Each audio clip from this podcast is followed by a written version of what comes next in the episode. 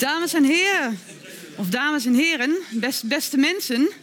Laat ik niet meteen weer helemaal verkeerd beginnen door u in allerlei hokjes te duwen. Zeker vanavond mag dat niet. Welkom allemaal ehm, bij deze avond over Foucault, Michel Foucault. Uh, en de vraag hoe het zit met de seksuele vrijheid, anno nu. Want we praten erg veel en ook erg graag, denk ik, over seks. En we zien onze seksuele vrijheid als een groot goed doorgaans. Maar hoeveel vrijer heeft de seksuele revolutie van de jaren 60 ons nou eigenlijk gemaakt? Volgens de Franse filosoof Michel Foucault um, is dat ideaal van ongebreidelde seksualiteit uh, heeft weer nieuwe ketenen met zich meegebracht. En onder meer over die nieuwe ketenen gaan we het vanavond hebben.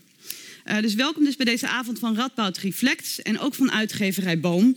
Uh, want um, centraal staat uh, geschiedenis van de seksualiteit van Foucault. Ik noemde hem zeker al. Um, en het boek is net klaar. Het is gisteren vers van de pers gekomen en uh, uh, zonder via het Centraal Boekhuis te gaan hier terechtgekomen.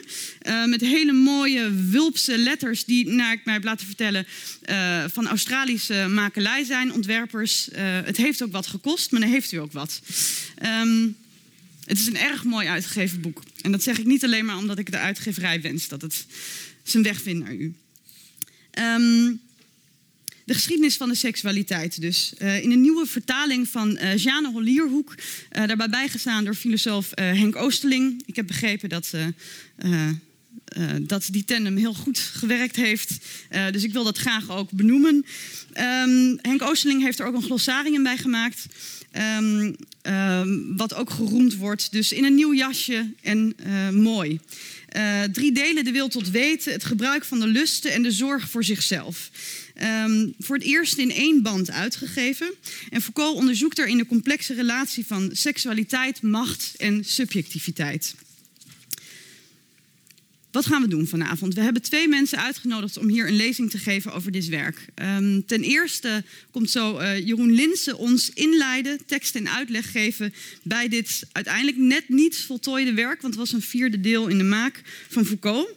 Uh, die ons uit gaat leggen waarom de roep om seksuele vrijheid van de jaren 60 uh, dus weer nieuwe machtsstructuren met zich meebrengt. En welke dan? En hoe dat werkt en hoe Foucault dat uitwerkt in de geschiedenis van de seksualiteit.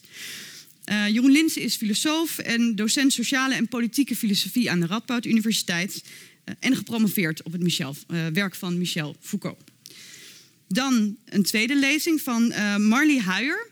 zij werpt nieuw licht op die seksuele vrijheid, zoals ze ook deed in haar boek, haar essay of pamflet Beminnen, wat vorig jaar is verschenen. En zij zal ons wat meer meenemen, um, ook in de hedendaagse discussie. Um, en laten zien dat het misschien niet zozeer moet gaan om de vraag uh, wie we zijn, seksuele vrijheid of seksualiteit, maar de vraag hoe we ons met anderen kunnen verbinden, of hoe we dus kunnen beminnen. Marlie Huijer is hoogleraar publieksfilosofie aan de faculteit Wijsbegeerte van de Erasmus Universiteit in Rotterdam. En in haar onderzoek richt ze zich op de filosofie van mens en cultuur. Uh, en ze was natuurlijk tot voor kort denker des vaderlands. Uh, dus deze twee sprekers gaan u vanavond inleiden na de twee lezingen hebben wij een uh, gesprek. Uiteindelijk heeft ook u zeker uh, ruimte om uh, vragen te stellen en eventueel u in de discussie te werpen. En dan pas helemaal aan het einde krijgen we de uitreiking van niet één, maar drie eerste exemplaren. Daar liggen ze dus. Ehm, maar goed, dat, is, dat, dat, dat duurt nog een tijdje. graag eerst uw aandacht en een hartelijk applaus voor Jeroen Linsen.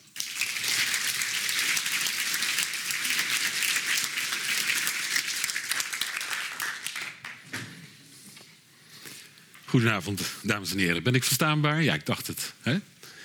Goed, uh, even goed kijken of het lukt. Nee dus? Ja. Om het uh, thema van vanavond uh, in te leiden, Foucault en seksuele vrijheid, heb ik ervoor gekozen om met u een passage van Foucault door te nemen. De allerlaatste passage van La Volonté de Savoir, de allerlaatste passage van het eerste deeltje van de geschiedenis van de seksualiteit. En nou, dat was het welkom. Dit ben ik. En dit is het eerste deel van de passage. Foucault eindigt zijn boek uit 1976 als volgt. En ik nodig u uit om met mij mee te lezen. Dus we gaan aan een soort exegese doen. Nee hoor, dat gaan we niet doen. Maar Vaak wordt, wordt verwezen naar de talrijke procedés die het vroege christendom zou hebben toegepast om ons een afschuw van het lichaam bij te brengen. Maar laten we ook eens een enkele gedachte wijden aan alle listen waarmee we al een aantal eeuwen tot liefde voor de seks worden gestimuleerd. Waardoor we verlangen naar kennis over de seks. En we alles wat erover wordt gezegd heel waardevol vinden. Listen ook die ons hebben aangespoord tot het ontplooien van alle mogelijke vaardigheden om de seks te betrappen. Listen die ons de plicht hebben opgelegd er de waarheid tot los te krijgen. Die ons hebben opgezadeld met het schuldgevoel dat we de seks zo lang zouden hebben miskend. Het zijn deze listen waarover, ons, waar, waarover we ons heden ten dagen zouden moeten verbazen. Het laatste stukje van de passage. En laten we bedenken dan dat men misschien ooit in een andere economie van de lichamen en de lusten niet goed meer zal begrijpen hoe de seksualiteit en de macht die steun biedt aan het seksualiteitsdispositief ons met bedriegelijke middelen tot zo'n diepe onderworpenheid aan de strenge alleenheerschappij van de seks hebben kunnen brengen dat we ons zijn gaan wijden aan de eindeloze taak het geheim ervan open te breken en uit de duisternis binnenin de waarachtigste betekenissen naar buiten te trekken. En de laatste zin luidt: Het ironische van dit dispositief is, het brengt ons in de waan dat het gaat om onze bevrijding. Ik ga ervan uit dat u lang niet alles van deze passage zomaar ineens begrepen heeft. Vandaar ga ik pogen in een soort commentaar op deze passage u wat bij te praten over de thematiek die Foucault met name in het eerste deel van de geschiedenis van de seksualiteit aan de orde stelt. Vaak wordt verwezen naar de talrijke procedés die het vroege christendom zou hebben toegepast om ons een afschuw, een haat, zou je het ook kunnen vertalen, denk ik, van het lichaam bij te brengen. Men heeft de burgerlijke preutse samenleving, waarin nauwelijks over seks mocht worden gesproken, vaak beschouwd als een erfenis van het christendom. De haat ten opzichte van het lichaam, zo kenmerkend zegt men wel voor het christendom, zou in de 19e eeuw omwille van economische doeleinden zijn voortgezet. Alles stond in het teken van de arbeid. Genieten van het lichaam werd gezien als een verkwisting van energie. Het is precies deze dominante zienswijze die Foucault aan de kaak stelt.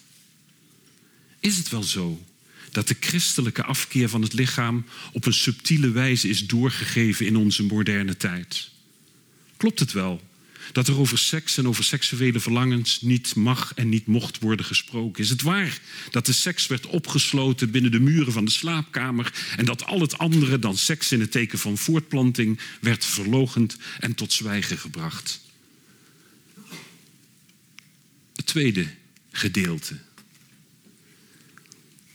ik doe het toch nog een keer voordragen. Maar laten we ook eens een enkele gedachte wijden aan alle listen waarmee we al een aantal eeuwen tot liefde voor de seks worden gestimuleerd. Waardoor we verlangen naar, seks over, naar kennis over de seks en we alles wat erover wordt gezegd heel waardevol vinden. Wat zijn dan die listen waar Foucault hierover spreekt? Als men alleen oog heeft voor de procedures die het verbieden en het censureren van de seks wilde bewerkstelligen, dan ziet men volgens Foucault een zeer wezenlijke ontwikkeling over het hoofd. Wat men dan niet ziet, is dat er sinds enkele eeuwen juist een grootse wil tot weten rondom de seks is georganiseerd. Een soort groots verlangen om zoveel mogelijk kennis over seks te genereren. In plaats van een stilzwijgen, in plaats van censuur, is er veel eer sprake volgens Foucault van een onophoudelijke vermenigvuldiging van verhalen, vertogen over seks. De, de seks stond niet zozeer in het teken van het verbod, zoals we vaak denken. Eerder was er, en dan citeer ik hem even, de noodzaak de seks te regelen door middel van nuttige en openbare vertogen. Daarvan noemt Foucault in dat eerste deeltje van de geschiedenis van de seksualiteit verschillende voorbeelden. Ik zal er enkele noemen. Hij zegt vanaf de 18e eeuw ontwikkelt men een bevolkingspolitiek die volgens Foucault in de kern draait om de seks. Ik citeer: Het geboortecijfer moet geanalyseerd worden, evenals de huwelijksleeftijd, de wettige en onwettige geboorte, de geslachtsrijpheid, de frequentie van seksuele relaties, de manier om de ze vruchtbaar dan wel onvruchtbaar te maken. En zo gaat hij nog wel even door. Het seksuele gedrag van de bevolking wordt zowel object van analyse als doelwit van ingrijpen. Een heel ander voorbeeld dat hij geeft, ook een voorbeeld waarin de vertogen, de verhalen over seksualiteit eerder toenemen of vermenigvuldigd worden dan dat, dan dat er een soort verbod op ligt, is de breedvoerige wijze waarop men zich gaat storten op de seksualiteit van kinderen en scholieren. Ik citeer Foucault. Rond de scholier en zijn seks schiet een hele literatuur uit de grond met voorschriften, raadgevingen, waarnemingen, medische adviezen, klinische gevallen, hervormingsplannen en het ontwerpen voor ideale instellingen. En het laatste voorbeeld dat ik u geef, ook een plek, een, een brandhaard waar de seksualiteit, uh, het vertoog over de seks toeneemt, is natuurlijk binnen de geneeskunde en iets later binnen de psychiatrie. Men gaat de seksuele perversies, de tegennatuurlijke seks onderzoeken. En heel wat seksuele afwijkingen zijn sindsdien bij de geestesziekten ingelijfd. Foucault zegt: geen enkel ander type maatschappij heeft wellicht ooit en in een relatief zo kort tijdsbestek zo'n hoeveelheid vertogen over seks opgehoopt. Maar, zo zou u kunnen denken, stond die productie van die vertogen over seks niet toch vooral in het teken van het verbod, niet toch vooral in het teken van de veroordeling of onderdrukking van afwijkende vormen van seks? Nergens ontkent Foucault dat die veroordeling aan de orde is geweest. Maar wat hij juist wil laten zien, is dat al die perversiteiten, dat al die abnormale vormen van seksualiteit toch ineens het licht zagen, aan de oppervlakte werden gebracht en met name in het individu werden geïncorporeerd, zoals hij het noemt. Er is een mooi citaat in het eerste deel van de geschiedenis van de seksualiteit, waar Foucault spreekt over hoe dat met de homoseksueel is gegaan. En ik citeer hem. De homoseksueel van de 19e eeuw is een persoon geworden. Iemand met een verleden, een persoonlijke geschiedenis en kinderjaren, met een karakter en een levenswijze. Tegelijk is hij iemand met een morfologie, een lichaamsbouw die de aandacht trekt. En wellicht met een geheimzinnige fysiologie. Niets van alles wat hij is ontsnapt aan zijn seksualiteit. Die wil tot weten aangaande de seks beperkt zich echter niet tot de biopolitieke doeleinden of tot medische en psychiatrische onderscheidingen tussen ziek en gezond, tussen normaal en abnormaal. Nee, die wil tot weten, laat Foucault ons zien, die wil tot weten van de seks gaat cirkelen uiteindelijk rond de vraag wie wij ten diepste zijn. Listen, ook die ons hebben aangespoord tot het ontplooien van alle mogelijke vaardigheden om de seks te betrappen. Listen die ons de plicht hebben opgelegd er de waarheid uit los te krijgen. Die ons hebben opgezadeld met het schuldgevoel dat we de seks zo lang zouden hebben miskend. Het zijn deze listen waarover ons heden ten dagen zouden moeten verbazen. Vanaf de 18e eeuw is een maatschappij tot ontwikkeling gekomen die niet alleen veel over de seks heeft gesproken, maar die ons tevens heeft aangespoord tot een spreken over seks. Maar waarom dan toch deze aansporing om over je eigen seksualiteit te spreken? Volgens Foucault worden we aangespoord om onze seksualiteit te bevragen, omdat zij de waarheid over onszelf zou onthullen. We vragen sinds lange tijd aan de seks wie we zijn. De seks is inzet geworden van onze zoektocht naar ons ware zijn, naar onze ware identiteit. Ergens in het midden van het boek zegt hij: Het project van een wetenschap van het subject is steeds dichter rondom het vraagstuk van de seks gaan cirkelen. In enkele eeuwen zijn we in zekere zin geneigd geraakt de vraag van wat wij zijn of wie we zijn aan de seks te stellen. Er is sprake, zegt Foucault, van een eis tot weten. De vraag is, hoe is het met je seksualiteit gesteld? En het doel is aan de weet te komen wie je bent, wie je in wezen bent. De procedure die daarbij gehanteerd wordt, is die van de bekentenis. We kennen deze procedure uit een ver verleden, namelijk als de praktijk van de biecht. De oude techniek van de biecht verschijnt nu binnen het wetenschappelijk discours. De bekentenis wordt zo het belangrijkste ritueel waarvan men de productie van waarheid verwacht. Onze maatschappij, zo zegt Foucault, is een bekennende maatschappij. De verplichting om te bekennen is overal aanwezig. Niet alleen meer in de biecht, maar ook in de rechtspraak, in de psychiatrische wereld, in de gezins- en liefdesverhoudingen. En vandaag natuurlijk ook op sociale media of in de vele enquêtes die ons worden voorgelegd. We zijn er eigenlijk zo aan gewend geraakt dat we de bekentenis al lang niet meer zien als een effect van de macht. Integendeel, de bekentenis maakt vrij. Drie hele eenvoudige voorbeelden. Als iemand ervoor uit durft te komen dat hij of zij van gewone seks niet meer opgewonden raakt, het liefst sadomasochistische spelletjes doet, dan beschouwen we, beschouwen we dat als moedig en bevrijdend. Als we op tv iemand uit de kast zien komen, als we iemand zijn homoseksualiteit zien bekennen, dan beschouwen we, beschouwen we dat als een bevrijdende act. Op internet delen we met elkaar onze ervaringen. We worden gestimuleerd om erover te praten. Erover praten is goed. We zijn de schaamte eindelijk voorbij. Men wordt in onze maatschappij voortdurend uitgedaagd om zijn seksuele begeerte om te zetten in vertoog. Je moet erover praten. De moderne macht is in de ogen van Foucault dan ook geen onderdrukkende macht, maar is een macht die aanspoort. Een macht die een gebod uitspreekt, namelijk spreek over je seks en kom aan de weet wie je bent. Ik citeer een paar keer Marley uit haar mooie boekje Beminnen. Want zij zegt het zo mooi: de kennis die dat oplevert maakt ons vatbaar voor mechanismen die het seksuele gedrag sturen. Artsen, pedagogen, geestelijk leiders en de overheid ontwikkelen gezondheids- en opvoedings- en onderwijsplannen om kinderen, jongeren en volwassenen tot seksueel gezond gedrag aan te sporen en het seksueel ongewone in goede banen te leiden.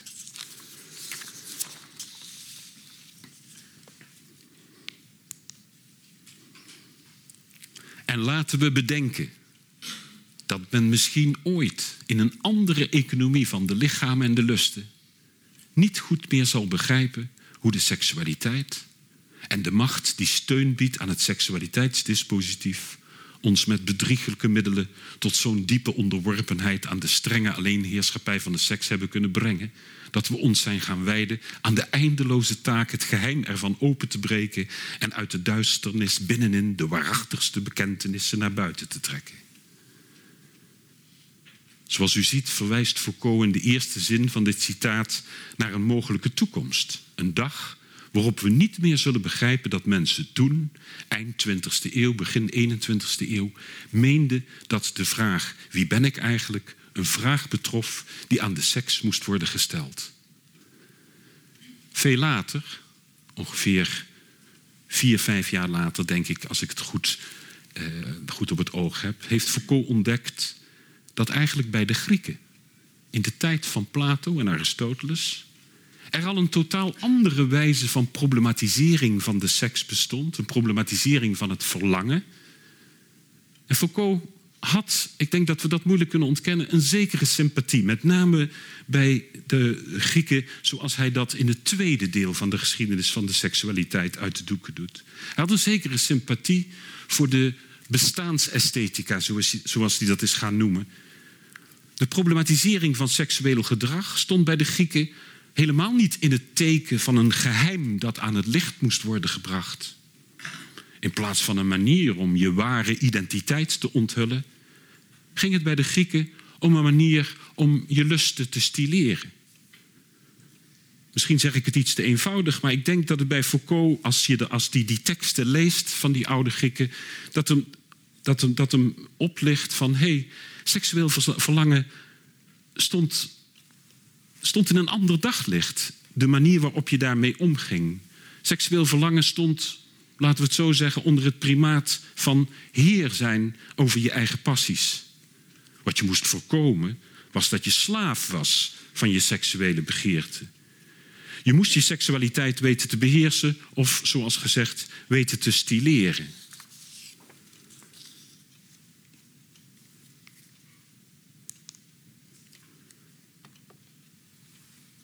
Het ironische van dit seksualiteitsdispositief, het brengt ons in de waan dat het gaat om onze bevrijding. De laatste zin van het eerste deeltje van de geschiedenis van de seksualiteit. Wat volgens Foucault uitermate ironisch is, is dat men denkt dat we vandaag eindelijk de seksuele bevrijding meemaken. Maar de wil tot weten aangaande de seks is, zonder dat we het misschien beseffen, op vele manieren verbonden met de macht. Volgens Foucault hebben zich binnen dat zogenaamde seksualiteitsdispositief twee processen ontwikkeld. Enerzijds vragen wij sinds ongeveer twee eeuwen aan de seks de waarheid te spreken. We vermeerderen de vertogen over seks, onder andere om te kunnen bepalen wat normaal en abnormaal is, wat gezond, pervers en pathologisch. Anderzijds vragen wij aan de seks onze eigen waarheid te zeggen. We stellen de vraag wie wij zijn sinds enkele eeuwen, zoals er gezegd, expliciet aan de seks. We ontlenen een vaste identiteit aan onze eigen seksuele waarheid. De seks of het seksuele verlangen vertelt ons wie of wat we zijn. Ook vandaag speelt de bevraging van onze seks, ons seksuele verlangen, nog een belangrijke rol in onze identiteitsvorming. Ik denk niet dat Foucault ontkent dat de zogenaamde seksuele identiteit in politiek opzicht, opzicht nuttig kan zijn. Denk aan vrouwenemancipatie, homorechten, rechten van het kind. Maar ik denk minstens ook dat hij vindt dat we veel meer zijn dan onze zogenaamde seksualiteit. De focus op seksualiteit beperkt ons. Werkt lang niet altijd bevrijdend, maar net zo goed stigmatiserend, normaliserend, disciplinerend. Een heel eenvoudig voorbeeld. Iemand die voor het eerst voor zijn homoseksualiteit durft uit te komen, ervaart dat als bevrijdend, zoals gezegd. Toch kan die coming out al snel stigmatiserend werken. Vanaf die dag ben je voor iedereen in alles wat je doet homo en verwacht men dus ook dat je je naar die identiteit gedraagt. Om Marley Huijer nog een keer te citeren: elke bekentenis draagt tot een identiteit bij en draagt het gevaar in zich dat we in die identiteit worden opgesloten. Dat we ons moeten gedragen naar normen en verwachtingen die erbij horen en niet meer vrij zijn een andere identiteit aan te nemen. Iets verderop zegt ze: identiteiten zijn een gareel geworden. Het zijn de touwen die het trekteer ertoe verleiden precies te doen wat er van hem of haar wordt verwacht. In een interview sprak Foucault ooit het volgende motto uit: Non au sexe roi. Nee tegen koningsseks. We moeten wel goed begrijpen wat hij daarmee bedoelde. Hij bedoelde daarmee niet dat we ons van seks zouden moeten onthouden. Integendeel, hij lustte er wel pap van. Hij bedoelde daarmee echter dat we moeten ophouden zoveel op te hangen aan seks. We moeten ons bevrijden van het idee dat seks ons zegt wie we zijn. Foucault zou, denk ik, zeggen: beleef aan seks zoveel mogelijk plezier. Maar hou ermee op seks zo centraal te stellen in de identiteitsvorming. We zijn veel meer dan geseksueerde wezens. Volgens Foucault, zo denk ik, moeten we ophouden steeds te vervallen in dat normaliserend vertoog over welke seks wel, welke seks niet door de beugel kan. Vandaag culminerend in de huidige heksenjacht tegen pedoseksuelen. Over wat wel en niet seksueel aantrekkelijk is. Ik denk maar aan de ontharingsnorm die ons min of meer wordt opgelegd. Maar volgens Foucault moeten we ook af van de idee dat de seks ons de weg wijst naar wie we ten diepste zijn. Dat zorgt er alleen maar voor dat onze identiteit onnodig versmalt wordt. Dat we in hokjes worden gezet. Dat we worden gecategoriseerd en eventueel gecontroleerd. Laten we toch. Laten we beseffen dat het toch vooral de macht is die ons er steeds weer toe verleidt om voor een identiteit uit te komen, de, te bevestigen wie we zijn. Ik zou met Foucault willen zeggen, misschien is het een daad van verzet. Misschien is een daad van verzet er vandaag wel meer in gelegen te weigeren wie we zijn. Ik dank u voor uw aandacht.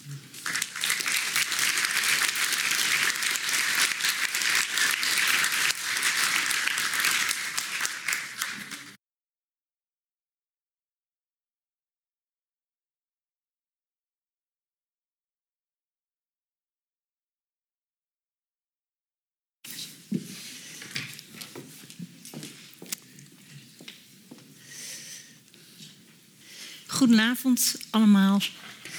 Wat een genot dat u hier met zoveel bent.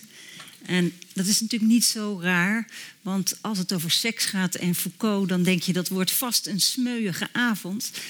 En ik ben een beetje bang dat ik u dan moet teleurstellen, want de stelling die ik vanavond wil uh, uh, aanbrengen of inbrengen, is dat je seks en liefde vooral moet doen. En dat je niet continu jezelf publiek uit moet spreken wat je seksueel bent of wat je seksueel doet. En ik zal die stelling uitwerken aan de hand van het werk van Michel Foucault. Ik zal niet alleen die drie delen die in dat boek zitten, maar ook het vierde deel uh, aan u voorleggen. Dat doe ik, dat kan niet anders. Ik heb maar twintig minuten in vogelvlucht. En het woord wat daarbij de, de, hoofdrol speelt, is het woord bekentenis. En dan moet u bij dat woord bekentenis niet zozeer denken aan de katholieke biecht, maar u moet veel meer denken aan een, je openlijk uiten over wat je seksueel bent. En daar zit nog een andere betekenis bij, uh, het je bekennen tot uh, een bepaald idee, het kleur bekennen. En uh, u denkt misschien, ja, bekennen, dat kan toch alleen maar goed zijn, je openlijk uitspreken. Maar het lastige is dat een bekentenis, dat is feitelijk heel vaak een vraag om erkenning. Je wilt erkenning voor wie je bent. En, uh, maar daar zit niet, zitten niet alleen maar voordelen aan, want het je bekennen en dat, die zoektocht naar erkenning kan ook tot geweld en polarisatie leiden. En uh, dat mocht ik uh, vorig jaar uh, zelf ervaren. Ik was dit boekje nog net niet aan het schrijven. Maar ik was op een congres in Berlijn. En dat ging over Europa en de, de grondwet. En, en, er zat een vrouw naast me en die zat de hele tijd enorm te zuchten. Toen was het, was het afgelopen en toen zei ze... Ja, ik heb het gevoel dat de inleider vindt dat Rusland buiten Europa moet blijven. En dat vind ik heel jammer, want Rusland heeft heel veel gedaan voor ons, Oost-Duitsers. En het zou toch geweldig zijn als Rusland bij Europa hoorde, want dan kon het zijn anti-homo-beleid over heel Europa uit, uh, uitbreiden. En vervolgens eindigde ze met te zeggen van... u moet er toch ook niet aan denken dat een van uw kinderen homoseksueel zou zijn. En plots kwam daar mijn Nederlandse identiteit boven. En wat zei ik? Daar zou ik geen seconde van wakker liggen. Die vrouw keek mij met ongeloof aan. Die zegt: Maar u weet toch wel dat homoseksualiteit onnatuurlijk is? Ik kan het weten, want ik ben arts. En toen zal ik u bekennen, en ik schaam me daar eerlijk gezegd een beetje voor, dat ik tegen haar zei: ehm, volgens mij kent de natuur heel veel variëteiten. Daar hoort ook homoseksualiteit bij. En by the way, ik ben ook arts. En toen voegde ik er nog aan toe. En ook filosoof. nou, u begrijpt, daar stond meteen een muur van meters tussen ons in. Daar was geen enkel begrip meer voor elkaar. Het hele gesprek was onhoudbaar. En wij stonden als kemphanen tegenover elkaar. Zij maakte zichzelf groot. Dat lukt mij niet, dus ik maakte mezelf breed. Nou, kortom, zij, uh, zij ging uiteindelijk als eerste weg. En toen dacht ik daarna... Dit, kan toch niet? Wat ben ik aan het doen? Ik zit mij in een identiteit, eh, of achter een identiteit te verstoppen. En heel mijn democratische instelling van dat je bereid moet zijn om met elkaar het gesprek aan te gaan, was in één keer weg. En ik zat in een soort identiteit als Nederlander en dus verdedig ik onze seksuele vrijheid. Nou, die enorme waardering voor de seksuele vrijheid, daar sta ik natuurlijk in Nederland helemaal niet alleen in.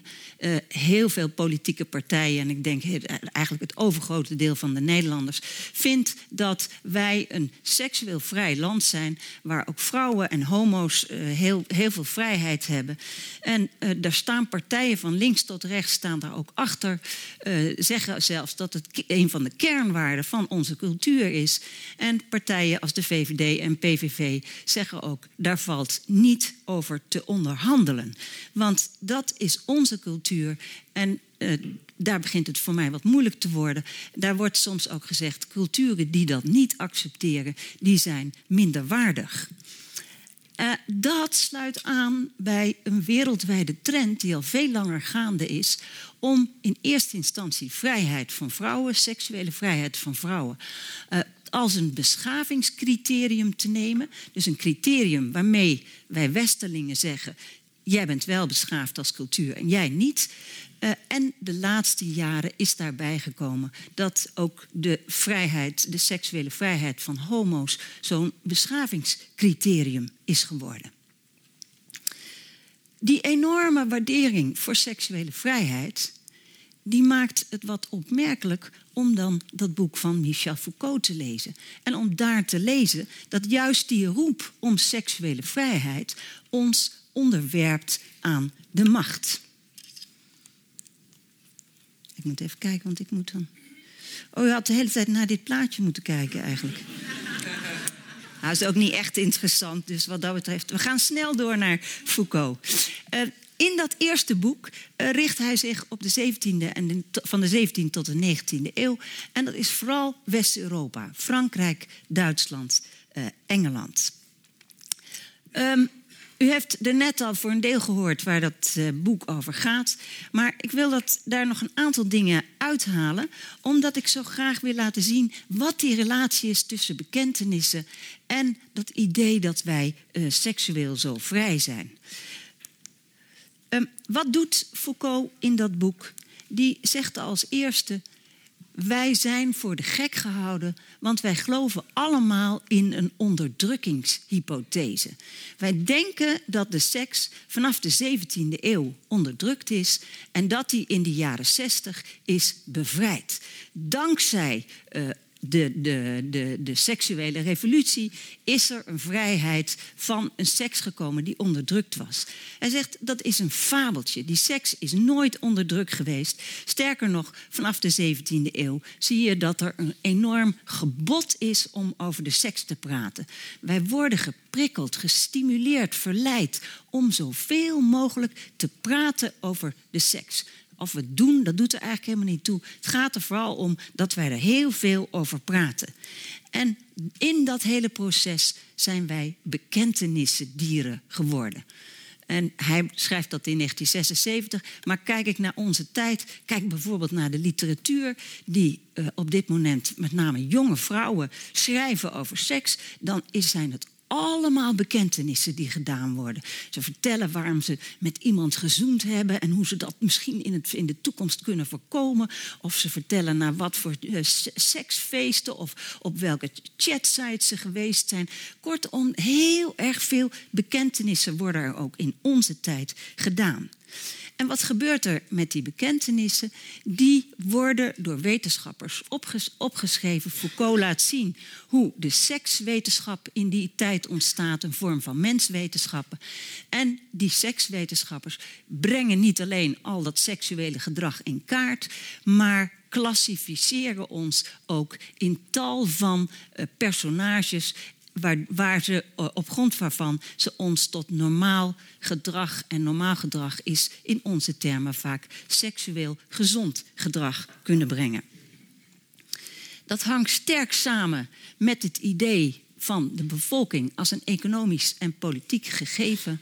Want in die tijd kwamen ze erachter dat er een relatie is tussen welzijn en welvaart en seksuele gezondheid.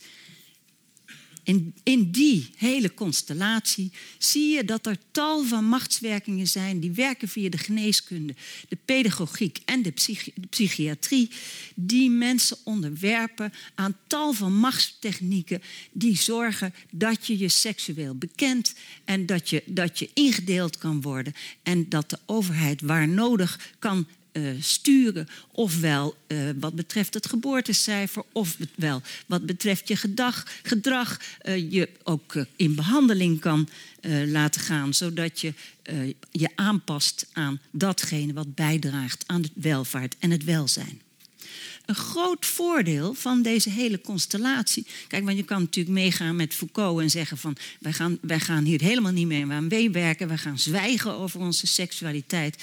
Maar dan moet u zich wel uh, uh, voorhouden dat het ook voordelen heeft. Want je ziet dat door deze machtswerkingen de biologische overleving enorm toeneemt.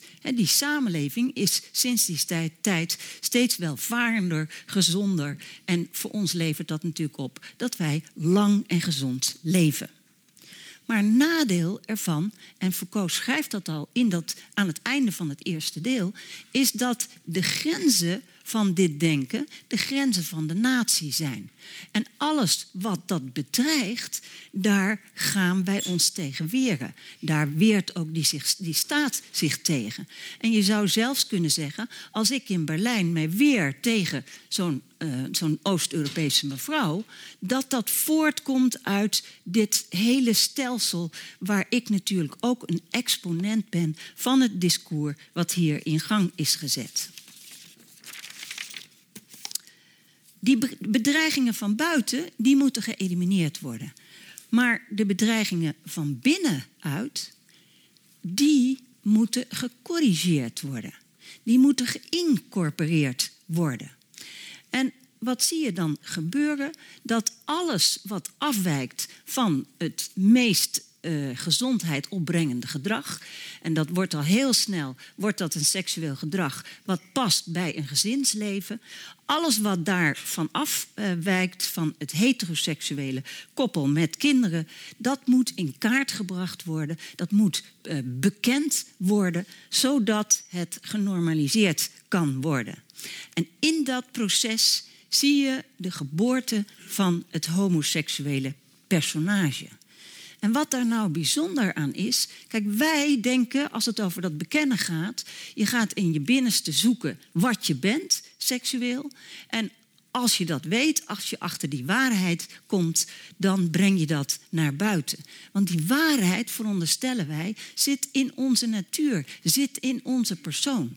En Foucault zegt, die persoon, dat personage, is ontstaan rond 1869. Want het is pas dan dat homoseksuele handelingen, homoseksualiteit, um, geassocieerd wordt als iets wat in je natuur zit, als iets wat bij een persoon hoort. En het is dus niet langer zo dat wij allemaal homoseksuele uh, relaties kunnen aangaan, dat wij seksuele relaties kunnen hebben met mensen van hetzelfde geslacht. Nee, dat is iets wat voor bepaalde personen is, wat in hun natuur zit.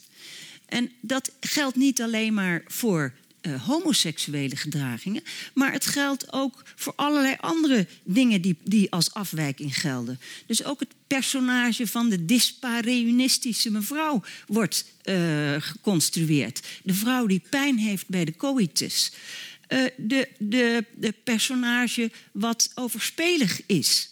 Of in onze tijd zou je kunnen zeggen, wordt het personage van de polyamoreuze persoon gecreëerd. En ook dat zou dan in je aard zitten. Onlangs hoorde ik een studente die had een hele avond met haar vader uh, doorgesproken of zij nou wel of niet polyamoreus was. Want dat wil die nu toch wel eens weten. Het, het sleutelwoord in dit alles is de bekentenis. Ik heb heel lang gezocht om die Australische letter te vinden. Maar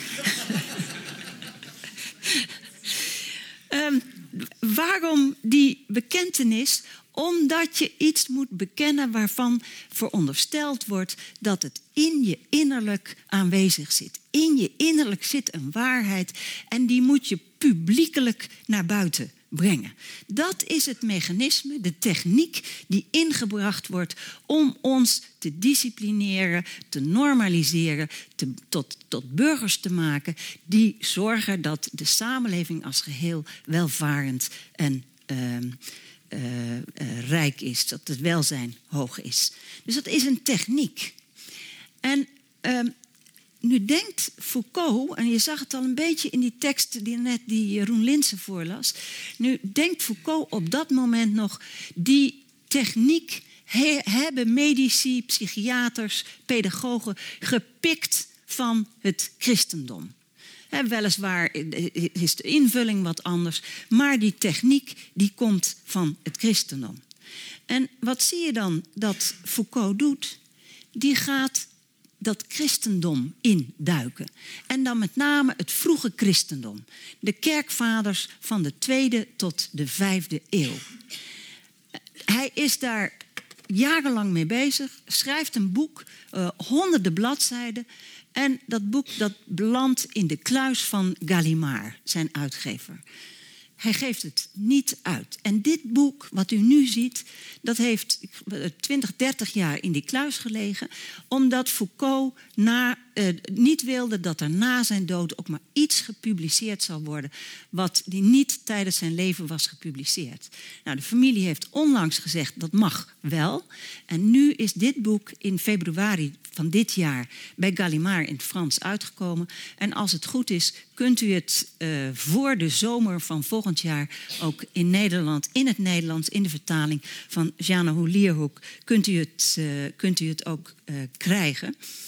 Um, wat doet hij nou in dit boek? En dat is interessant, want je ziet plots hoe, zo'n, hoe dat instrument werkt. En dat vind ik dan fijn, want dan kan ik ook weer kijken... Hoe, wat gebeurt er eigenlijk in het heden? Hoe werkt dat nog altijd door?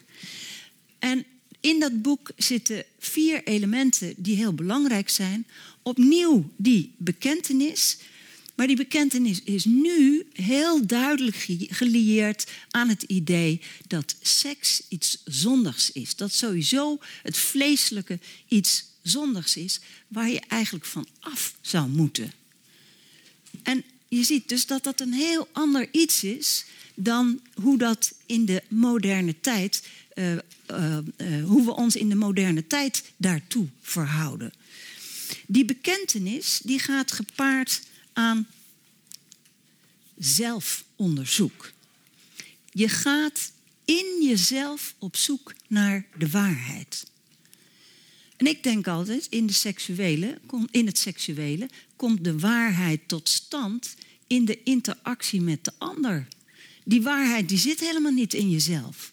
Maar in dat vroege christendom en dus ook in onze tijd, zie je dat de veronderstelling steeds is dat de waarheid van de seksualiteit ergens in je innerlijk zit. In je DNA, in je, in, je, in je geest. Ik weet eerlijk gezegd niet waar dat in het innerlijk zit. En toch denken wij, het zit in jezelf.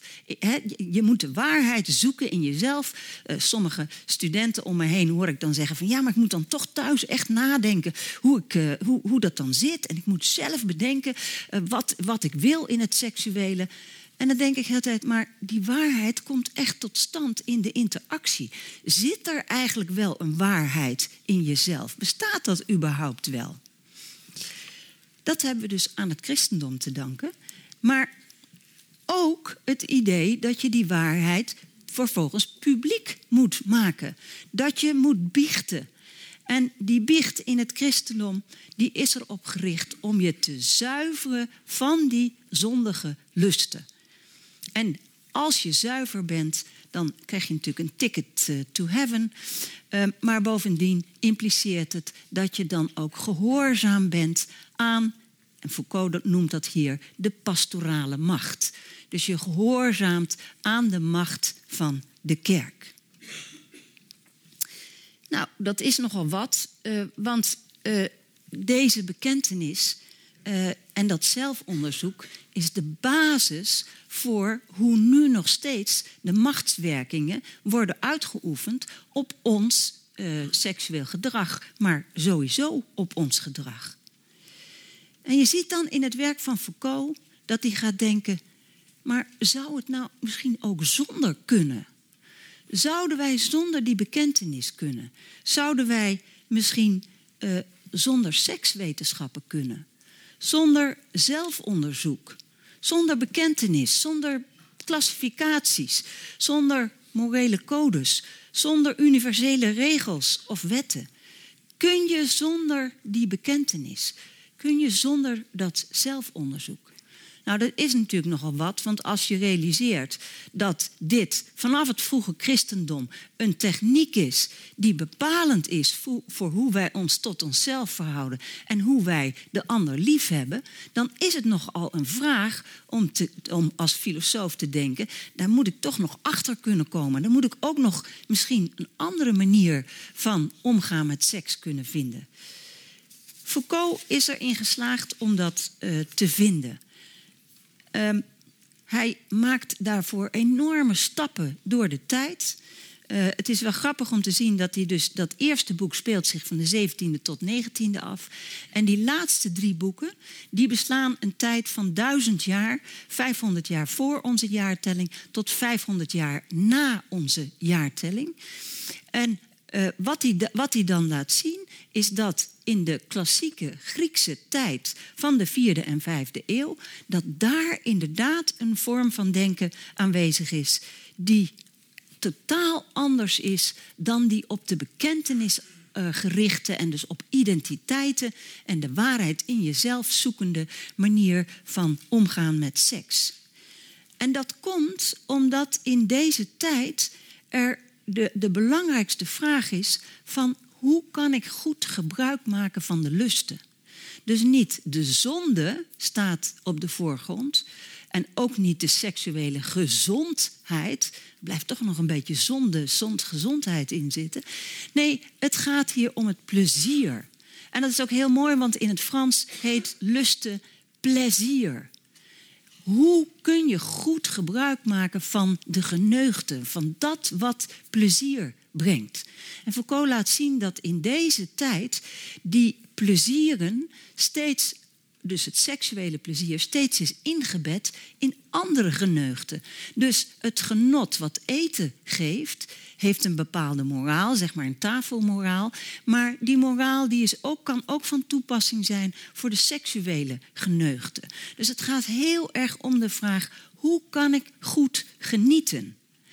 En dan moet u niet denken dat, dat deze uh, Grieken geen aandacht hebben voor dat seks ook gevaarlijk kan zijn. Nee, ze hebben wel degelijk een bepaalde bezorgdheid rondom de seks. En die richt zich met name op hoe twee mannen met elkaar een relatie kunnen hebben. Wat is daarin nou wel of niet uh, goed? Hoe doe je dat?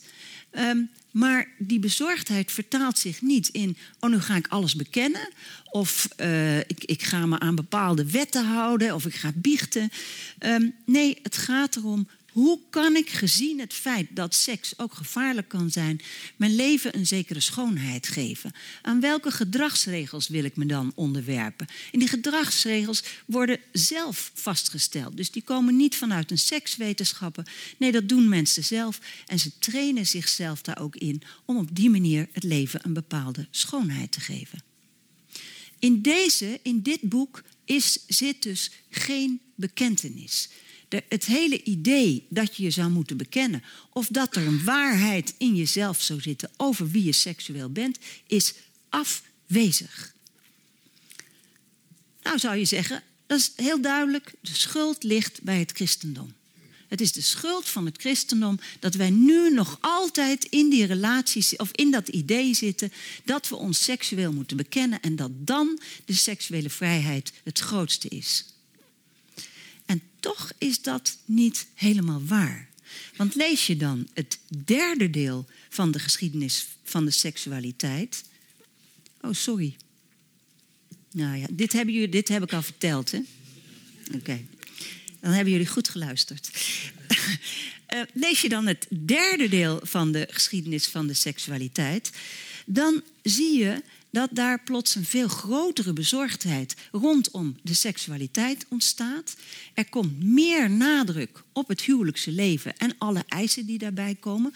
ook de eis van uh, dat je een monopolie hebt op je partner komt eraan. Dus mensen moeten monogaam uh, worden. Er is meer gelijkheid tussen man en vrouw. En die betrekkingen tussen mannen en met name de knapenliefde verdwijnt langzaam maar zeker op de achtergrond. Maar wat in het kader van die bekentenis heel interessant is, is dat je daar al ziet dat er een, een, uh, de aandacht voor het zelf steeds meer ingegeven wordt door zelfkennis. En dat er een soort wending naar het zelf al plaatsvindt. Een wending naar dat innerlijk. En ook uh, is er, zijn er al praktijken waarin uh, mensen tegenover een leidsman vertellen wat ze in zichzelf vinden. Dus je ziet dat het niet zozeer het christendom is die deze bekentenis introduceert, maar dat er allerlei voorstadia ook in, de heidense en in de Hellenistische Romeinse cultuur zitten. Wat betekent dat nou als we zouden willen nadenken over uh, misschien omgaan met liefde en seks zonder dat we ons bekennen, zonder ons vast te leggen in seksuele identiteiten. Wat zou dat betekenen? Kunnen we zonder gareel beminnen? Nou. Iedereen het gezien? Yes, oké. Ehm, nou, kijk, je kan zeggen: Weet je wat, we gaan het allemaal doen zoals die Grieken. Maar uh, dat lijkt me heel onverstandig. En ook Foucault vindt dat heel onverstandig. Want kijk je naar die samenleving, het, dan gaat het alleen maar over vrije Griekse mannen. Er is slavernij, vrouwen hebben helemaal niks te vertellen. Uh, er is zelfs tussen mannen een enorme ongelijkwaardigheid. Want mannen moeten in de seks ofwel een passieve ofwel een actieve uh, rol op zich nemen. Gelijkheid tussen man en vrouw is er ook helemaal niet. Kortom, er is alle reden om dit verhaal uit de uh, Griekse oudheid, om dat meteen naast ons neer te leggen. En toch doet Foucault dat niet. En ik vind dat als filosoof interessant, omdat ik denk van wat hij laat zien, is dat het mogelijk is geweest, ooit in de geschiedenis, om zonder klassificatie, zonder bekentenissen, zonder waarheden in jezelf te zoeken, uh, te beminnen. En wat ik geprobeerd heb in uh, het boekje uh, Beminnen, wat ik heb geschreven, is om te bedenken: zou je dat nou op een of andere manier naar onze tijd kunnen vertalen? Ik kan daarvoor nauwelijks op Foucault terugvallen, want die heeft weliswaar in interviews daar af en toe wel eens wat over gezegd, maar heeft geen tijd van leven gehad om dat uitgebreider uh, te doen. Dus het is onze eigen denkkracht die ons moet helpen om dit te vertalen naar het heden. Nou, als ik dat uh, probeer. Um, ik, ik, ik, licht het nu uh, heel kort toe. Um, als u meer wil weten, dan moet u het nalezen. Um, maar als ik dat doe, dan zijn er een aantal elementen die belangrijk zijn. Allereerst, um, het gaat erom dat we liefde doen.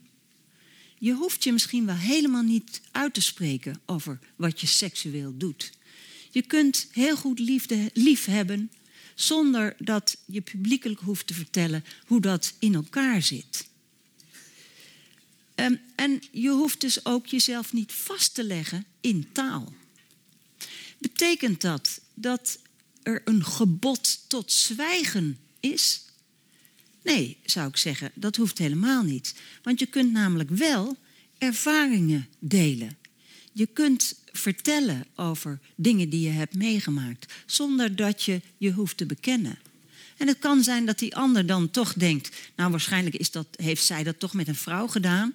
Maar dat hoeft eigenlijk niet. En je hoeft ook, als het de volgende keer misschien over een, eh, dat je iets met een man hebt gedaan, hoef je ook niet te zeggen van, ja nou ik ben, ik ben een beetje veranderd. Maar dat, feitelijk hoeft dat niet. Je kunt ervaringen met elkaar delen en verhalen vertellen zonder dat je je hoeft vast te leggen in een identiteit.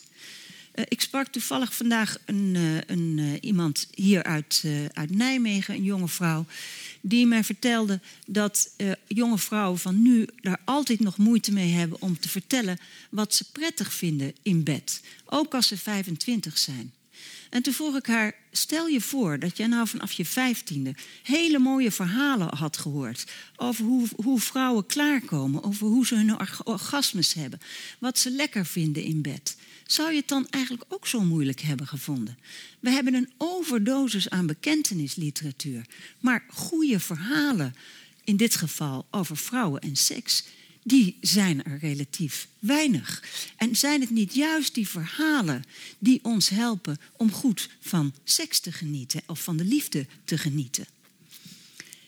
Een derde element wat daarbij komt, is dat je de waarheid over de seks volgens mij niet in, het, in, je innerlijk moet zoeken. Daar zit helemaal geen waarheid. Die waarheid komt tot stand in wat je doet met anderen. En ik zou zeggen, neem daar vooral ook veel ruimte in.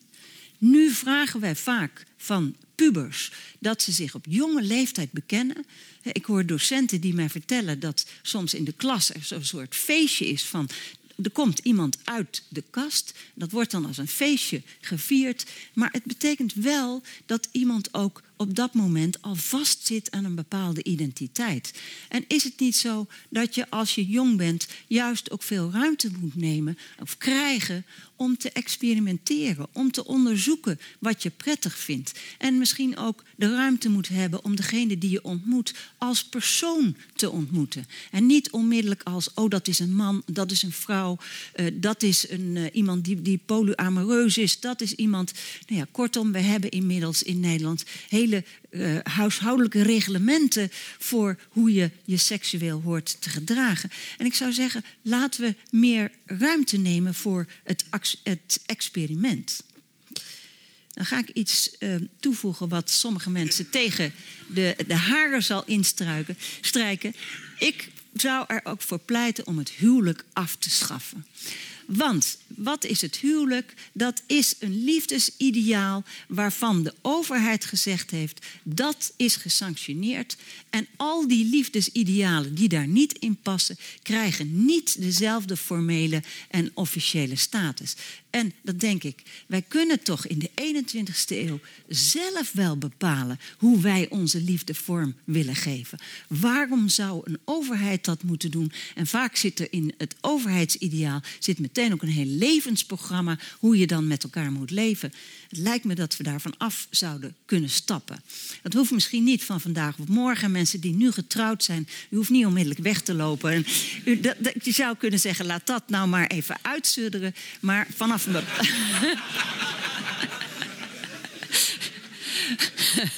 vanaf een bepaald moment sluiten we geen huwelijken meer. En dan tot slot, en dat is misschien vooral iets, een boodschap aan mijzelf. Uh, blijf in gesprek. Hou die openheid naar het vreemde. Hou die openheid naar dat iemand soms over je grenzen heen gaat. In het seksuele, maar ook in het politieke. Blijf in gesprek. Ook met mensen die, die zeggen dat ze onze westerse vrijheid willen beperken.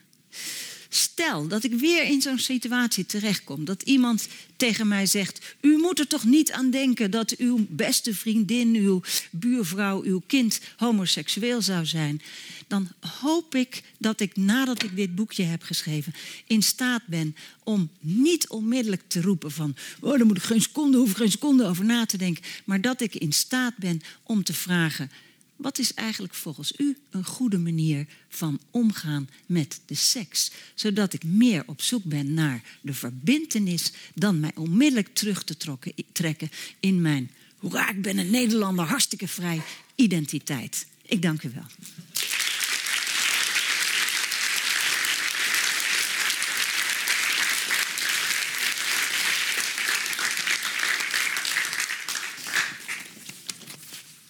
Dankjewel. Marley, ehm, ga zitten. Ja, Jeroen, dan mag jij in het midden. Ja, zeker wel. Ehm, we gaan kort met elkaar in gesprek, want ik wil vooral ook u de ruimte geven in de zaal om uh, u te mengen erin. Ehm, en ik wil eigenlijk uh, beginnen aan, aan, aan jou te vragen, Jeroen. Wat vind je van de suggestie van Marley? Dat we inderdaad die bekentenis los moeten laten. Uh, en dat we het meer van verhalen moeten hebben. Dat daar um, de kunst van het bemidden zonder gereel in gevonden moet worden. Uh, ja, ik, ik vind de, de, die, die, dat loslaten van die bekentenis, dat, dat, dat snap ik, zoals je dat zegt. Um, ik zou toch meer de nadruk willen leggen op die combinatie. Maar misschien bedoel jij dat ook, dat het daarom losgelaten moet worden. Op die combinatie van het, het, het bekennen van je seksuele verlangen en de zoektocht naar die ware identiteit. Dat, dat, dat is, dacht ik, wat Foucault ons geleerd heeft van. Dat is toch eigenlijk een merkwaardig samengaan. Mm -hmm. Ik bedoel, ik kan me nog echt wel iets voorstellen bij iets bekennen. Ik bedoel, dat, dat, dat, dat is ook, ik heb het volgens mij heel kort even gezegd, dat is ook op een bepaalde manier bevrijdend. je bedoelt, je, bedoelt je, je hebt iets op je lever. Dus er is iets wat aan je vreet. Of wat ja, in je, dat is op dat een wil, bepaalde manier bevrijdend. Zoals dat, zoals dat zelfs bij, bij bepaalde geestesziekten ook het geval is. Heel veel mensen die op een gegeven moment uh, een diagnose krijgen gesteld van, van depressie of wat dan ook. Die vinden dat in eerste instantie ook echt prettig. Want eindelijk uh, wordt, dus dat, dat, dat, dat stukje emancipatoire wat eraan zit, dat zou ik misschien niet per se los willen laten. Maar gelijk vervolgens zou dan de kwestie moeten zijn van... wait a moment, laat je daar nou niet in vastpinnen. Dat is niet jouw diepste waarheid of zo, wie je bent. Ga daar nou niet je hele identiteit aan vastpinnen. Maar, ik, maar ik, kijk, het, het probleem is... En je, je hebt dat zelf ook heel goed uitgelegd. De basis van het bekennen uh, is dat je iets bekent wat ongewoon is. En Foucault laat als geen ander zien dat die constructie van het ongewone, dat dat een medische, pedagogische en, overheidsconstructie is. En hetzelfde heb je feitelijk met uh, depressie. En depressie ja. is natuurlijk een label wat ongeveer in diezelfde tijd is ontstaan. Ja. Depressie is iets ongewoons. En hoera, je krijgt het label. Dus met Foucault zou ik zeggen: nee, als je, zo, zodra je in die labels terechtkomt. En natuurlijk kan dat als een bevrijding uh, worden ervaren. Maar Foucault laat juist zo duidelijk zien dat die bevrijding feitelijk een nepbevrijding is. Want je laat het onderscheid tussen wat gewoon en ongewoon is, wat normaal of abnormaal is, laat je bestaan. Ja. Ik moet en... ook denken aan, aan, aan, aan Marquis de Sade. Niet het, ik heb het niet zozeer met rode oortjes gelezen als wel als wel? Ja, als wel, ja. De, de, de perversie of de schaamteloosheid of de abnormaliteit ervan. Ja. Die voor hem iets voorkomen normaals heeft. Het gaat niet over normaal en abnormaal. Ik vraag me opeens af, verklaar dat waarom het voor mij zo gek was om de Sade te lezen. Omdat het daar niet gaat om normaal en abnormaal. Maar gewoon hij, omdat hij laat zien, kijk, zo, kun je, zo oefen je macht uit. Is dat misschien waarom dat boek van de Sade gekte om te lezen is voor iemand, voor een 21ste eeuwer, een 20ste eeuwer. Ja, dat is heel lastig, want ik, ik zit nu onmiddellijk. Kijk, Foucault behandelt uh, de Sade ook in, uh, aan het einde van de geschiedenis van de seksualiteit, de 1. En laat ook zien dat hij gewoon helemaal onderdeel is van, deze, van ditzelfde. Van dit, van dit machts, dispositief. De, de, hetzelfde Wel. dispositief, ja, ja, ja. ja. Ja. Oké, okay, misschien ja. Weet altijd als een vrijdenker gezien, terwijl Foucault hem eigenlijk als literair uh, exponent ziet van uh, de seksualiteitsdispositief van de 17e, 18e eeuw. Ja. Dus kijk, maar nog even, het gaat, ik, ik ben het met je eens hoor, dat bekentenis. Uh, de, de, de, de, dat dat precies is wat Foucault heeft, heeft willen doorprikken in de zin van ik beken mijn seksuele identiteit of ik beken mijn, uh, uh, van mijn, part, mijn, mijn, mijn, mijn geestelijke toestand. In een, en Foucault laat zien dat dat, dat dat constructies zijn. Homoseksualiteit is een constructie, net als depressie, net als ADHD. Het zijn allemaal constructies mm. die op een of andere manier ergens in de geschiedenis bedacht zijn. Dus daar ben ik wel met je eens. Ik, wil, ik wilde meer, als je in onze tijd een jong mens meemaakt die... Uh, die, die, die moeite heeft met, eh, met zich binnen zijn klas of binnen zijn omgeving te manifesteren. En eh, het is voor diegene heel wat om op een bepaald moment tegen zijn moeder of tegen zijn vader te zeggen: Ik denk dat ik homo ben. Dan zou ik, het op de, zou ik het iets te gortig vinden als dat mijn zoon is en dat ik zou zeggen: Constructie, jongen. Go. Zo werkt het gewoon niet. En dat, Nee, dat, daar ging het mij eigenlijk om. We zitten, Ja, we ja, hè. Dan zou ik toch even daarmee wachten. Ja. Hè? En dan- nou, Ja, ja, ja, ja. ja, ja. ja. Ja. Ja. Ja. Ehm, Het is een heel, heel lastig onderwerp, hè? want ehm, iemand, eh, de Indiaanse eh, taalwetenschapper, historica, ik weet niet precies wat haar achtergrond is, Spivak, Gaitra, Gayatri eh, Spivak, die, zegt, die eh, neemt het woord strategisch essentialisme. En zegt van ja, ik weet dat wij niet, eh, dat vrouw zijn geen essentie, essentie is, dat homo zijn geen essentie is. Maar het kan soms om strategische redenen handig zijn om te zeggen: oké, dat is gewoon een identiteit. En eh, strategisch is het handig om ons via die identiteit te weren tegen geweld, eh, eh, onderdrukking, minachting, et cetera. En het grappige is dat ook zij, hoewel ze dat dus helemaal uitgewerkt heeft, op een gegeven moment ervan teruggekomen is. En waarom? Omdat je in eerste instantie inderdaad denkt van... jeetje, dat is heel bevrijdend. En bijvoorbeeld, eh, stel dat ik eh, een hashtag MeToo doe... en ik, en ik eh, beschrijf over een verkrachting die ik heb ondergaan... dan kan ik denken van, nou, dat is bevrijdend. Ik heb het eindelijk verteld. Maar dat kan natuurlijk heel goed zijn dat ik levenslang vervolgens... achtervolgd word door mensen die overal zeggen van... oh, jij was toch die vrouw die verkracht werd? En dat ik Ja. dan denk... oh, broer, mag het alsjeblieft niet? Dus dan wordt het moment van bevrijding... blijkt dan opeens een gevangenis te zijn. En dat geldt natuurlijk niet alleen voor MeToo... maar dat geldt voor heel veel. Ik, ik zie in mijn eigen omgeving ook van mensen... die in de jaren 60, 70 een coming-out hadden... en die dan inmiddels eh, eh, 60, 70 zijn... en iets hebben van... ik hoef toch niet nu nog overal te vertellen dat ik Ja. homo ben... Maar is dat- Omdat- is dat omdat dan het ook- zo, weet je, dat het natuurlijk. Ja, dat homo zijn is maar één klein onderdeeltje van je hele identiteit. Ja. Het, het seksuele is natuurlijk niet hetgene wat jouw hele leven bepaalt. Maar ik- zou Foucault dan dus ook zo naar de MeToo-discussie kijken... als een soort bekentenissencultuur blijkbaar? Ja, reken, maar. Ja, Ja, dat denk ik ja, ook, ja. ja, ja. Ja. Ja, kijk, vanuit Foucault zou ik zelfs denken. Want die laat zo zien dat die macht overal werkt. En hoe die ons op allerlei manieren disciplineert. Die zou waarschijnlijk een hele analyse hebben. Hoe nu ICT-bedrijven, eh, Google, Amazon, nou, noem maar op. Hoe die ons allemaal in, in bepaalde digitale profielen hebben gestopt. En precies weten eh, of jij een alleenstaande vrouw of een getrouwde vrouw bent met wie jij het doet.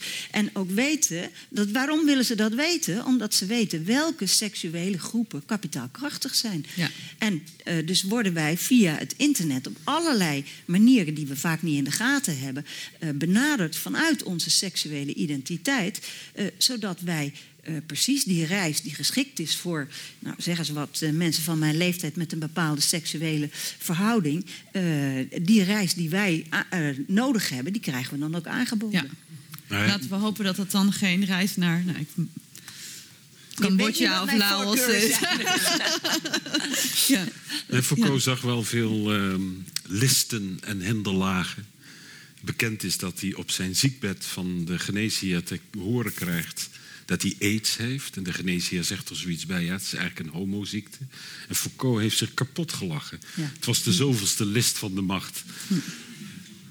In 1984 moet u wel begrijpen. Dat was dus net, ja, aids was zo net bekend als een Ja, het virus. AIDS- AIDS-virus eh, is eh, in juni 84 eh, ontdekt, onder andere in Parijs. En hij ging ook in juni Juni 84 dood. Ja.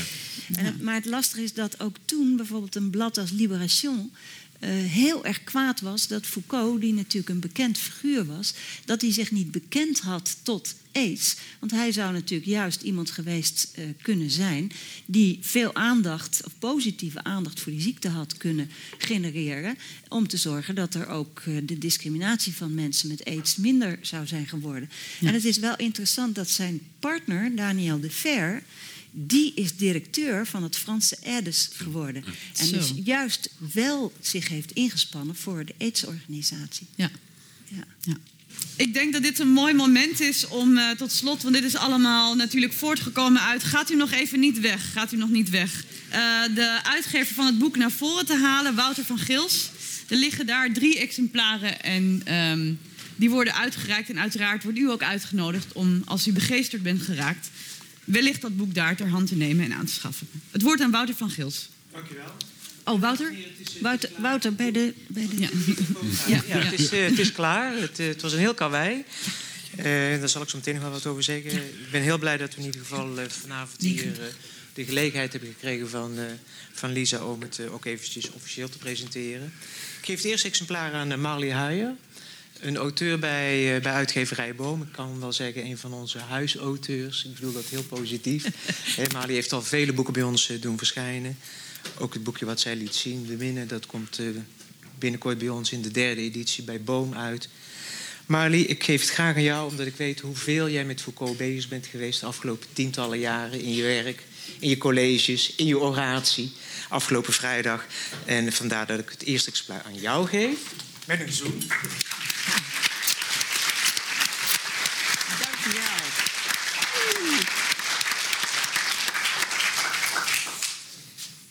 Ja, Henk. Het tweede exemplaar, dames en heren, geef ik aan eh, eveneens een auteur bij uitgeverij Boom. En ook aan een eh, oude vriend van mij, die ik al eh, tientallen jaren ken. De enige vriend die ook tijdens mijn promotie aan de Erasmus Universiteit... tijdens mijn verdediging boer begon te roepen. Ik heb namelijk een proefschrift geschreven over Jean Baudrillard... waar hij heel anders over eh, dacht dan ik. Waarop mijn vader zei, die man heeft geen manieren. Maar we hebben veel meegemaakt. En wat je vooral gedaan hebt, is eh, ook eh, voor het werk van Foucault... wat wij in Nederland uitgeven, en dat zijn toch iets van zeven titels... veel meegedaan aan het eh, meelezende vertalingen. Bij Le Mot en Le Chose heb je een fantastisch glossarium bezorgd in die editie. En dat heb je verdorie nu weer gedaan. En daar mag de lezer jou straks erkentelijk voor zijn. Ik ben het in ieder geval. Heel veel dank en ik geef het tweede exemplaar aan jou.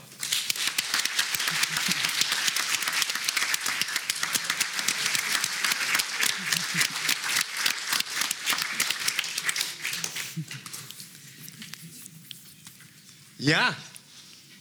En wie heeft hier anderhalf jaar aan zitten zwoegen, ploeteren, veilen, mij bellen? Eh, een grote dame in de, vertaalwereld in Nederland, kan ik u vertellen. De winnares van de Martinus Nijhoffprijs afgelopen jaar. Nadat ze bij ons Montesquieu helemaal vertaald had, duizend pagina's, winnares van de Elie V-prijs.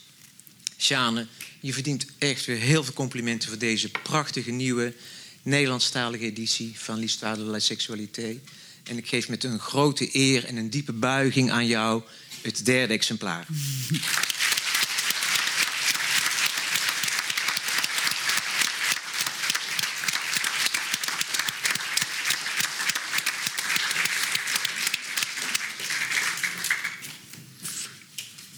Ik mag nog heel kort iets zeggen. Ik vind het mooi en bijzonder dat eh, de nieuwe vertaling van Foucault's eh, geschiedenis van de seksualiteit vanavond ten doop wordt gehouden in Nijmegen, de stad waar ooit uitgeverij Sun was gevestigd. Deze uitgeverij is in de jaren tachtig van de vorige eeuw en ook daarna van het grootste belang geweest voor de verspreiding van het denken en van de geschriften van Foucault hier in Nederland en in Vlaanderen. Ze staan nog in mijn boekenkast, die oude vertalingen, plus een paar afleveringen van het substantiële tijdschrift eh, Te Elfter Uren, ook uit Nijmegen. De vertalers van Foucault's boeken van in de tijd hadden verschillende namen, maar de eindredactie was stevast in handen van Henk Hoeks, die ook ik in de tijd nog heb leren kennen als een zorgvuldige en deskundige begeleider. Ehm, dit vertaalproject is nu uitgemond in dit dikke boek. Ehm, het was een eh, lastig karwei, kan ik zeggen. ik moet eh, bekennen Uh, soms leek het wel of er geen eind aan kwam. Waarheen ik me ook verplaatste, overal sleepte ik de afgelopen jaren de histoire de la sexualité met me mee. Maar nu ligt het er. Mijn hersens zijn er een stuk leniger van geworden en dat is een aangename gewaarwording. Juist doordat de auteur zo diep teruggaat in het verleden, steeds dieper eigenlijk, heeft het mij ook geleerd met andere ogen naar het heden te kijken. We hebben het vanavond ook gehoord. Ik heb veel te danken aan Henk Oosterling, die met me meedacht en meelas, vooral over termen en hun onderling verband, als ook over moeilijk te interpreteren passages. Achter in het boek staat een door hem samengesteld uh, glossarium waar de lezer misschien maar het beste mee kan beginnen, dan is alles meteen veel duidelijker. het, het, het, is ook heel dun en dan kan je altijd nog uh, kijken wat je met de rest doet. nee. Dat ik, uh, als, je, als jullie er aan gaan lezen, als u er uh, aan gaat lezen, dan vooral vond ik het eerste deel heel belangrijk. Het, uh, het begin, de inleiding van deel 2. En dan in deel 3 weer het slot eigenlijk. Het denken van Foucault is en blijft fascinerend. Hij switcht moeiteloos van gedetailleerde analyses naar veelomvattende visies.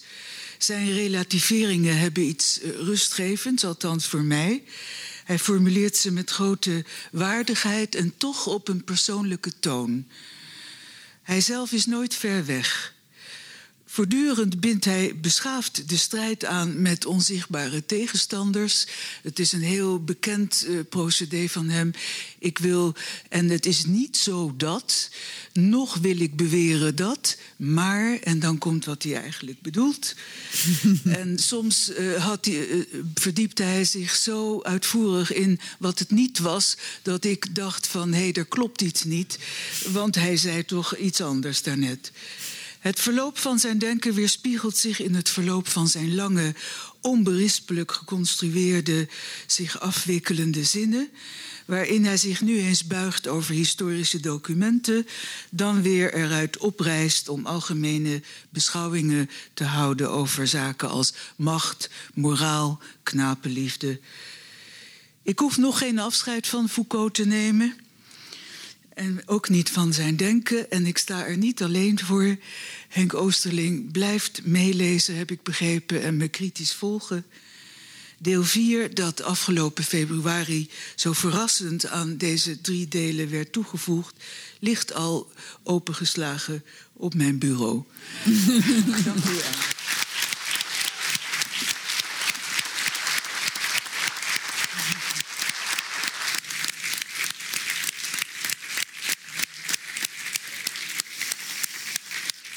Ja, uh, nogmaals wil ik uh, iedereen die aan deze avond heeft bijgedragen uh, bedanken. U voor uw aanwezigheid en natuurlijk ook vooral Marley Huijer en Jeroen Linsen.